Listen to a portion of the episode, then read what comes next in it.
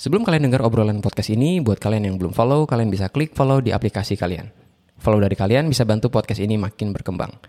Dan kalau kalian juga mau kasih pertanyaan atau topik untuk dibahas di podcast ini, kalian bisa klik link yang ada di deskripsi podcast ini. Katanya di dunia kuliner ada yang disebut dengan secret sauce atau resep rahasia. Nah, resep rahasia ini yang katanya bikin satu restoran atau rumah makan menunya itu lebih enak atau lebih spesial dari yang lain. Nah, kayaknya sama tuh dengan public speaking ya. So, di episode kali ini gue mau berbagi sama kalian my secret sauce di public speaking atau rahasia yang gue selama ini pakai selama gue jadi seorang public speaker. So, apakah rahasia itu? Ada tiga, tapi sebelumnya kita denger intro dulu. Oke, okay, nggak ada intronya ya. Jadi, karena gue baru aja format laptop gue yang biasa gue pakai buat rekam podcast, dan filenya lagi bertebar, bertebaran ada di harddisk eksternal. So sorry banget hari ini untuk episode kali ini nggak ada intronya ya. Oke, okay. so kita langsung aja masuk di konten. Jadi salam buat semua, halo semua. Podcast Pak Kris di sini, podcast di mana kalian bisa dengar ilmu, bisa dengar pengalaman, insight tentang hal-hal yang bikin potensi kalian berkembang. Karena gue yakin saat potensi kalian berkembang, bukan cuma kalian aja yang dapat untung, tapi orang di sekitar kalian juga bisa dapetin value dari potensi kalian. Kalian bisa bermanfaat buat diri sendiri, buat keluarga kalian, dan buat orang lain. Nah, podcast ini punya tema bulanan, dan tema atau topik bulan ini adalah tentang public speaking. Minggu lalu gue cerita gimana public speaking mengubah hidup gue, nambah income, kemudian uh, bikin gue jadi punya positioning lah ya di orang lain, Lalu ya itu yang membuat gue merasa hidup gue ngasih value lah buat orang ya. Nah, di episode yang kedua tentang public speaking ini gue mau share rahasia atau secret sauce dari public speaking yang gue lakukan selama kurang lebih 7 tahun. Ya walaupun begitu gue ceritain udah bukan rahasia lagi ya atau secret sauce lagi, tapi nggak apa-apa. Komitmen dari podcast Pak Kris ini adalah kasih value buat kalian secara gratis. Dan jangan lupa kalau kalian mau kasih support buat podcast ini, kalian bisa klik um, link traktir ya kalau kalian mau traktir gua mie ayam. So, kita masuk di tiga rahasia atau tiga secret sauce yang biasa gue lakukan saat gue melakukan public speaking. Tapi sebelumnya gue mau kasih selamat dulu buat kalian untuk memasuki masa-masa kerja lagi yang terutama buat kalian yang kemarin sempat liburan. So, semoga liburannya cukup ya dan kalian bisa semangat lagi kerjanya liburannya nanti lagi. Oke, okay, so kita masuk di rahasia atau secret sauce gue ketika gue melakukan public speaking. So ini adalah rahasia yang pertama. Rahasia yang pertama adalah banyak baca, banyak denger, dan banyak belajar. Ulangi ya. Rahasia pertama adalah banyak baca, banyak denger, banyak belajar. Gue percaya bahwa public speaking bukan cuma tentang teknik, jadi ada banyak teknik public speaking, gue sendiri belajar teknik public speaking, tapi content is king apa yang kita sampaikan itu jauh lebih penting daripada teknik yang kita lakukan. Dan public speaking emang tentang bicara, emang tentang ngomong di depan orang, tapi gue yakin semuanya itu dimulai dari tiga kegiatan ini yang sebenarnya eh, nggak uh, membutuhkan kita buat ngomong banyak. Tiga kegiatan itu adalah tadi yang gue sebut di rahasia pertama, yaitu banyak baca, banyak denger, dan banyak belajar. Nah, pengalaman gue nih, karena gue ya termasuk yang banyak baca, banyak denger juga, kemudian banyak belajar, ya itulah kenapa jadi rahasia ya. But anyway, itu banyak banget occasion atau banyak banget event yang gue dipanggil untuk ngomong tentang topik baru ya. Topik baru yang kayaknya baru in banget lah, yang orang kayaknya apa sih ini gitu kan. Kemudian mereka ngundang gue. Kayak topik yang baru banget yang beberapa kali gue diundang, mungkin udah empat kali ya, yaitu tentang ngomongin tentang metaverse gitu. Dulu di tahun lalu juga sempat ramai tentang flip classroom ketika mulai pertama kali pandemi, e, gimana cara bikin kelas online dan sebagainya. Gue adalah termasuk narasumber yang pertama kali biasanya dipanggil oleh sekolah untuk menjelaskan konsep-konsep yang baru tersebut. Jadi gue mulai dengan banyak baca, banyak denger dan banyak belajar. Jadi kalau kalian mau pengen apa ya, pengen jadi orang yang kalau ngomong itu ada value-nya, terus kalian juga bakal dipanggil untuk ngomong di depan orang kalian juga bisa naikin income dan sebagainya, ingat bahwa belajar public speaking itu penting dan memang banyak banget teknik gimana cara ngomong yang benar, gimana cara ngatur intonasi, gimana supaya nggak grogi, gimana supaya nggak au au dan sebagainya. Tapi semuanya dimulai dengan banyak baca, banyak denger, banyak belajar. Percuma kalian punya teknik yang bagus, tapi kalau kalian nggak punya value atau nggak punya ilmu atau nggak punya pengalaman untuk disampaikan, maka teknik itu akan percuma. Oke? Selain itu, gue mau nambahin dikit di rahasia yang pertama ini, kalau kalian banyak baca, banyak belajar, dan banyak denger juga, itu adalah skill yang baik untuk kalian bersosialisasi dengan orang lain. Kenapa sih? Ya karena kalau orang lain ngomong sesuatu, kalian bisa nyambung, walaupun kalian itu nggak tahu banyak. Jadi kalau orang ngomongin sesuatu yang konsep yang mungkin baru buat kalian, tapi karena kalian pernah dengar, pernah baca di berita mungkin, pernah lakukan riset sendiri, maka kalian bisa nyambung sama orang lain. Lalu kalau kalian juga orangnya banyak dengar nih, pada saat ngobrol sama orang, waktu kalian itu akan lebih banyak habis untuk dengerin orang itu ngomong. Dan siapa sih yang gak suka omongannya didengar sama orang lain, bener gak? Itu yang bikin kalian bisa punya satu penerimaan lah, atau bisa diterima ya di depan orang-orang. Karena orang tahu bahwa kalau mereka cerita, kalau mereka ngobrol, kalian bakal menyimak dengan baik. Pada saat kalian menyimak dengan baik, kalian bisa menyerap apa yang orang lain katakan. Kemudian pada saat semuanya udah beres ngomong, udah capek ngomong, kalian baru bisa kasih insight yang baik pada obrolan tersebut. Kalian bisa kasih value pada obrolan yang memang lagi diobrolin ketika itu, ya. Itu yang dikatakan oleh Simon Sinek kalau nggak salah. Kalau kalian mau search orangnya itu keren banget. Dia yang nulis The Power of Why. Uh, betul nggak ya The Power of Why ya? Atau ya why factor lah. Pokoknya uh, oh start with why. I'm sorry. Start with why ya. Jadi itu adalah satu buku yang bagus banget. Di mana kalau kalian ngomong kalian mulai dengan mengapa kalian perlu ngomong dan apa yang akan kalian sampaikan. Simon Sinek pernah ngomong gini kalau dalam satu meeting jadilah orang yang ngomong terakhir. Jadi biarkan orang lain yang ngomong lebih banyak. Biarkanlah mereka yang uh, punya tipe sanguin punya uh, tipe yang sangat meluap-luap gitu kan yang kalau kalian lihat mungkin omongannya juga nggak terlalu berisi, tapi biarlah mereka ngomong duluan. Biarkan mereka bicara, biarkan mereka kasih uh, semua pandangan mereka sampai mereka capek. Lalu kalian manggut-manggut, lalu kalian cerna dengan baik, kalian catat, and then kalian di akhir bisa kasih satu kesimpulan, bisa kasih satu insight buat orang-orang tersebut. Karena kalau kalian duluan ngomong, jangan-jangan kalian bisa miss konteks atau justru bisa keluar dari topik yang sebenarnya lagi diobrolin. Oke, okay? so that's my first secret. Banyak baca, banyak denger, banyak belajar. Kalau kalian lakukan ini, baca buku rutin, kalau ada buku yang bagus kalian baca, kalian sharing sama orang lain, itu yang akan bikin kalian jadi punya jam terbang dalam public speaking kalian. Oke, okay? so that's number one. Rahasia yang kedua adalah pakai banyak analogi dan cerita. Ini juga kalau kalian adalah para mungkin audiens ya, gue nyebutnya audiens ya, atau mungkin peserta seminar yang sempat gue datang diundang oleh sekolah kalian, atau oleh kampus kalian, atau kalian pernah denger gue ngomong di mana, gue paling banyak menggunakan analogi dan cerita.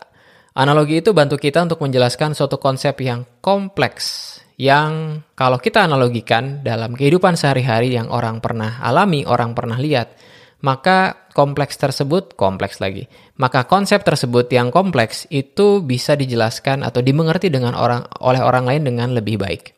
Jadi kalian harus cari analogi yang tepat ya. Jangan bangga dengan banyak kata-kata yang rumit yang keluar dari mulut kalian.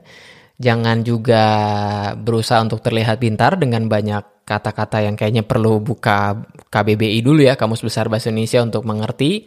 Karena yang penting kalian bisa dimengerti oleh orang lain. Dan ada banyak kompleks ya, ada banyak kenapa gue salah terus ngomong kompleks? Ada banyak konsep yang kompleks yang sebetulnya bisa dibantu oleh analogi. Dan ada banyak orang yang cerita bahwa um, ya kasih testimoni ya bahwa cara menjelaskan gue itu adalah uh, sederhana, bisa dimengerti oleh orang lain. Padahal gue menjelaskan suatu konsep yang sangat-sangat rumit. Kemarin contohnya di salah satu ya di um, event terakhir ya, waktu gue jelasin metaverse, ada 2 sampai 3 orang dari beberapa peserta yang bilang bahwa apa yang gue jelaskan masuk dalam akal dan pikiran mereka karena gue menjelaskan dengan bahasa yang sederhana, dengan analogi yang bisa mereka mengerti. Dibandingkan banyak seminar lain yang sebenarnya ngasih banyak teori, kemudian ngasih banyak kata-kata yang sebetulnya nggak bisa dijelaskan dengan sederhana dan mereka nggak mengerti itu. Oke, okay? jadi gue ingat gue jelasin cara gue jelasin NFT kalau nggak salah non fungible token dengan cara yang sederhana, gue menjelaskan blockchain juga dengan cara yang sederhana juga. So, kalau kalian bisa berlatih menggunakan analogi, maka itu bisa bantu kalian untuk dimengerti oleh orang lain. Ketika kalian dimengerti oleh orang lain, maka yang terjadi adalah kalian bakal diterima sama orang lain tersebut. Pada saat mereka menerima kalian, apa yang kalian katakan bisa jadi value buat orang lain. So, that's about analogi. Sekarang masih yang kedua yaitu tentang cerita. Cerita, kalau kalian baca di banyak buku sejarah, cerita itu adalah satu hal yang bisa membuat orang-orang zaman purbakala dulu duduk rapih di tengah perapian di dalam goa, kemudian mereka bercerita. Itu menjadi suatu kegiatan yang mereka lakukan setiap hari. Mereka bercerita, mungkin mereka ketemu dengan binatang buas, mereka ketemu dengan satu buruan yang enak, mereka bertemu dengan orang baru mungkin di bagian mana gitu kan. Kemudian mereka menulis setiap pengalaman tersebut di gua dalam bentuk tulisan ya prehistorik uh, ya prehistorik tulisan dan juga gambar ya. Jadi cerita itu adalah pemersatu orang-orang purbakala. Nah, gua percaya bahwa gue sempat baca di satu buku juga bahwa cerita itu yang mengkoneksikan antar manusia. Sama seperti ketika orang purbakala tersebut ketika kembali dari perburuan mereka, mereka bercerita. So, bahwa cerita yang memang otentik, kalian tidak buat-buat juga. It's okay kalau kalian cari cerita itu atau dapat cerita itu dari internet. Yang penting cerita itu bisa kasih value, bisa kasih amplifikasi. Keren ya bahasanya amplifikasi. Bisa memperbesar, um, bisa dibilang konsep yang mau kalian ceritakan kepada audiens ya. Selain itu, cerita juga membawa personality pada konten yang kita kasih. Ya, jadi gue ingat gue banyak punya banyak um, stok cerita, mulai dari cerita yang sedih, cerita yang membuat orang ingin uh, menggali perasaannya kemudian berubah, sampai cerita yang lucu yang bisa bikin orang ketawa. Tapi cerita-cerita tersebut punya syarat harus bisa nambahin value kepada apa yang mau kita katakan sama orang lain. Gue banyak ketemu dengan para pembicara yang lain, uh, gue nggak tahu siapa, pokoknya banyak lah. Kalau gue ketemu, itu terkadang mereka kasih jokes yang memang itu-itu aja, kemudian kasih jokes atau kasih satu lelucon yang sebenarnya nggak nyambung dengan poinnya gitu kan. Nah di situ gue ngerasa bahwa kayaknya gue bisa jadi pembeda di situ, bahwa setiap jokes, setiap cerita yang gue ceritakan itu haruslah kasih sesuatu nilai tambah pada hal yang mau ingin gue sampaikan sama audiens. Oke, okay? so cerita membawa personality pada konten yang kita kasih. Tapi ini ada disclaimernya Jangan kebanyakan cerita tentang diri sendiri. Jangan kebanyakan ngomong saya waktu itu. Jangan kebanyakan ngomong kayak pengalaman saya waktu itu. It's okay kalau kalian mau ceritain pengalaman kalian. Atau memang kalian diundang untuk bercerita pengalaman. It's fine. Sama kayak gue waktu diundang untuk ceritain pengalaman sekolah di luar negeri atau kuliah di luar negeri. Ya semuanya adalah cerita tentang saya. Walaupun saya masukkan beberapa lesson learn yang bisa pada saat itu ya mahasiswa-mahasiswa yang pengen sekolah di luar negeri yang bisa mereka pelajari dan bisa jadi bekal mereka pada saat mereka nanti hidup di luar negeri sana. But anyway, kalau banyak uh, ya banyak event yang kalian diundang, jangan terlalu banyak cerita tentang diri sendiri. Kalian bisa dianggap egois, kalian juga bisa dianggap bragging. Intinya adalah kalaupun kalian bawain cerita atau analogi tadi, haruslah yang menambah nilai kepada apa yang ingin kalian sampaikan. So, that's my second secret. Pakai banyak analogi dan cerita. Lalu, kalau kalian punya banyak waktu, ini yang gak gue lakukan ya. Kalau kalian punya analogi dan cerita, kalian kalau bisa tulis dalam satu dokumen, taruh di Google Sheets atau Google Docs atau di mana pun, sehingga kalian punya stok tulisan dan juga stok analogi dan juga cerita gue orang yang mungkin selama tujuh tahun ini punya banyak analogi dan cerita, but somehow gue nggak nulis, akhirnya ada satu ada banyak event yang harusnya gue bisa keluarkan analogi dan cerita yang sama dengan event yang lalu mungkin karena mungkin temanya mirip tapi akhirnya nggak keluar juga. Akhirnya bikin gue menyesal. Yaitu salah satu penyesalan sebagai public speaker ya. Itu yang nanti akan jadi konten di minggu depan. Gue akan cerita beberapa penyesalan beberapa hal yang gagal ya atau pengalaman-pengalaman buruk sepanjang gue jadi public speaker. But di sini gue akan cerita rahasia dulu. So rahasia kedua adalah pakai banyak analogi dan cerita Rahasia yang ketiga, ini yang terakhir. Rahasia yang ketiga adalah kasih satu takeaway yang bisa dimengerti oleh audiens, yang bisa diingat dan dilakukan.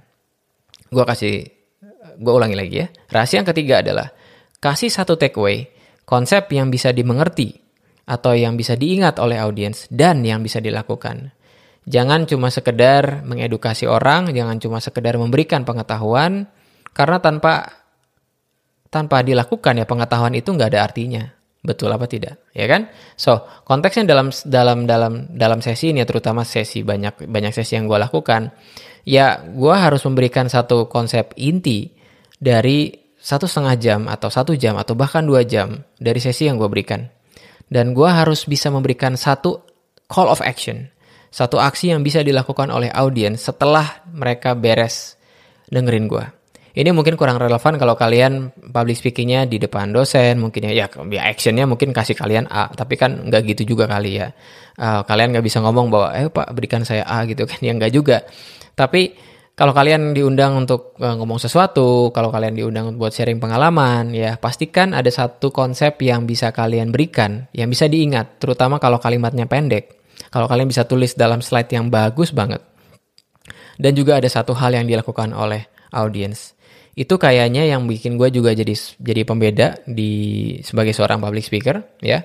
Ada take away konsep yang selama satu setengah jam kadang gue bilang gini bahwa gue akan ngomong selama satu, setengah jam atau gue baru saja beresin selama satu jam lalu gue bilang sama audiens bahwa uh, ada satu konsep yang kalau kalian bisa ingat ini dan yang lain kalian boleh lupakan. Jadi gue cukup nekat untuk ngomong kayak gitu Uh, karena gue belajar dari salah satu seorang public speaker, dia ngomong hal yang sama bahwa kalau ada satu hal yang bisa kalian ingat dan yang lainnya lupa, jangan pernah lupa konsep ini. Akhirnya gue kasih slide, kemudian gue kasih kalimat atau kata-kata kunci yang bisa bikin mereka ingat. Gak berhenti di situ, gue pengen memberikan sesuatu hal yang bisa dilakukan oleh audiens. Gue kasih contoh, pada saat gue memberikan gimana cara tips belajar atau tips baca, ya ada banyak konsep kan di situ kan. Ada ya ngomongin soal habit lah ngomongin soal time management dan sebagainya. Tapi gue selalu memberikan satu takeaway satu aksi yang bisa dilakukan oleh siswa kalau mereka mau mulai baca atau mau mulai rajin belajar ya. Gampang banget. Misalnya adalah kalau mereka belajar ya handphonenya atau gamenya itu harus disimpan lagi dimasukin ke dalam kardus atau dimasukin ke dalam kotak ya. Itu yang bisa mereka lakukan. Karena menurut gue percuma kalau kita punya banyak konsep, punya banyak teori, punya banyak hal yang mau bisa kita dapetin ah, dari suatu sesi public speaker kalau ada orang yang ngomong, tapi kemudian kita pulang atau kita selesai dari sesi tersebut dan kita bingung mau ngapain. Mungkin kalian pernah di dalam satu uh, satu event kayak gitu, ya nggak sih? Jadi kalian datang dengan penuh semangat, kalian nyatet orang yang ngomong dengan begitu banyak bahasa yang kalian juga harus buka KBBI juga Lalu ada banyak konsep di situ dengan tema yang menarik juga. Kalian mungkin ketawa karena dia sambil stand up comedian. Tapi begitu kalian pulang, kalian nggak tahu gue harus ngapain ya. That's it. Sebagai contoh, gue pernah diundang dalam satu tempat, bukan satu tempat ya, ya satu event untuk ceritain tentang mencari beasiswa, terutama beasiswa ke luar negeri ada banyak konsep di situ nyiapin CV dan sebagainya. Dan uh, ada gua kasih juga beberapa informasi yang di internet yang bisa diberi yang bisa mereka cari. Tapi satu key takeaway yang bisa mereka lakukan uh, yang pada saat kalau beres sesi mereka bisa lakukan gue bilang adalah jangan pernah bertanya kepada orang lain beasiswa mana yang terbaik? Tapi kalian harus cari sendiri. Cukup itu aja gitu kan. Karena itu yang gue alami gitu loh. Orang nanya beasiswa mana orang nanya ini orang nanya ini. Padahal informasi itu ada di internet. Jadi yang gue bilang sama mereka adalah jangan males kalau kalian nanya sesuatu jangan nanya yang trivial.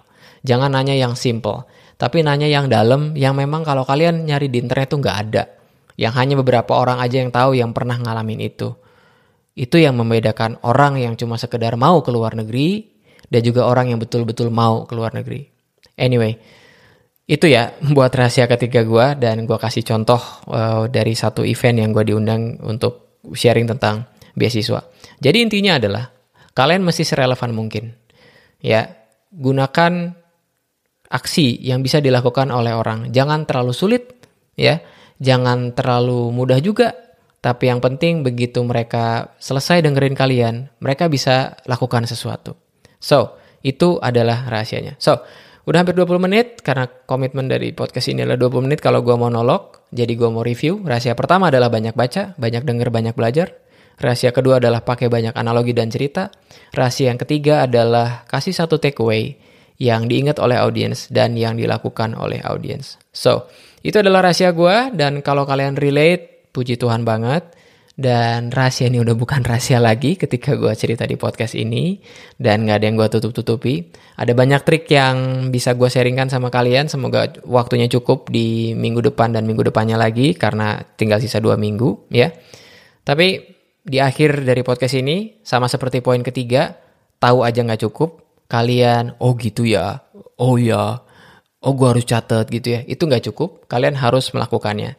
Nah oleh karena itu, izinkan gue untuk kasih pitching sama kalian, gue lagi buka kelas public speaking yang dimulai di bulan depan, di bulan Juni, selama satu bulan kalian akan punya kesempatan tiga kali ngomong di depan peserta yang sangat dibatasi, sekarang udah terisi 6 orang kalau nggak salah dari 12, jadi kalau kalian mau daftar, boleh banget ya.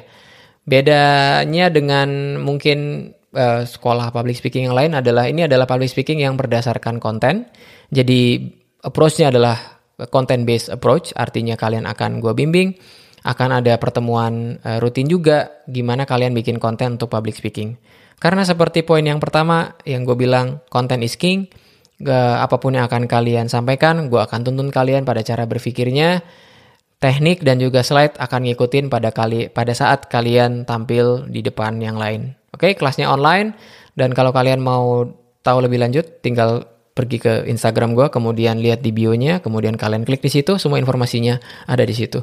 So, thank you banget teman-teman buat dengerin ini. Um, banyak juga yang kasih semangat, banyak juga ada juga yang kasih support dalam bentuk dana. Thank you banget buat kalian semua. So, take care dan sehat-sehat semua. Bye-bye. Kalau kalian dapat value atau manfaat dari podcast ini dan ingin say thank you, kalian bisa support podcast ini dengan mentraktir Pak Kris dengan klik link yang ada di deskripsi podcast ini. Traktiran kalian akan sangat berarti untuk podcast ini tetap running dan bantu orang-orang untuk stay productive. I'll see you guys later dan stay productive.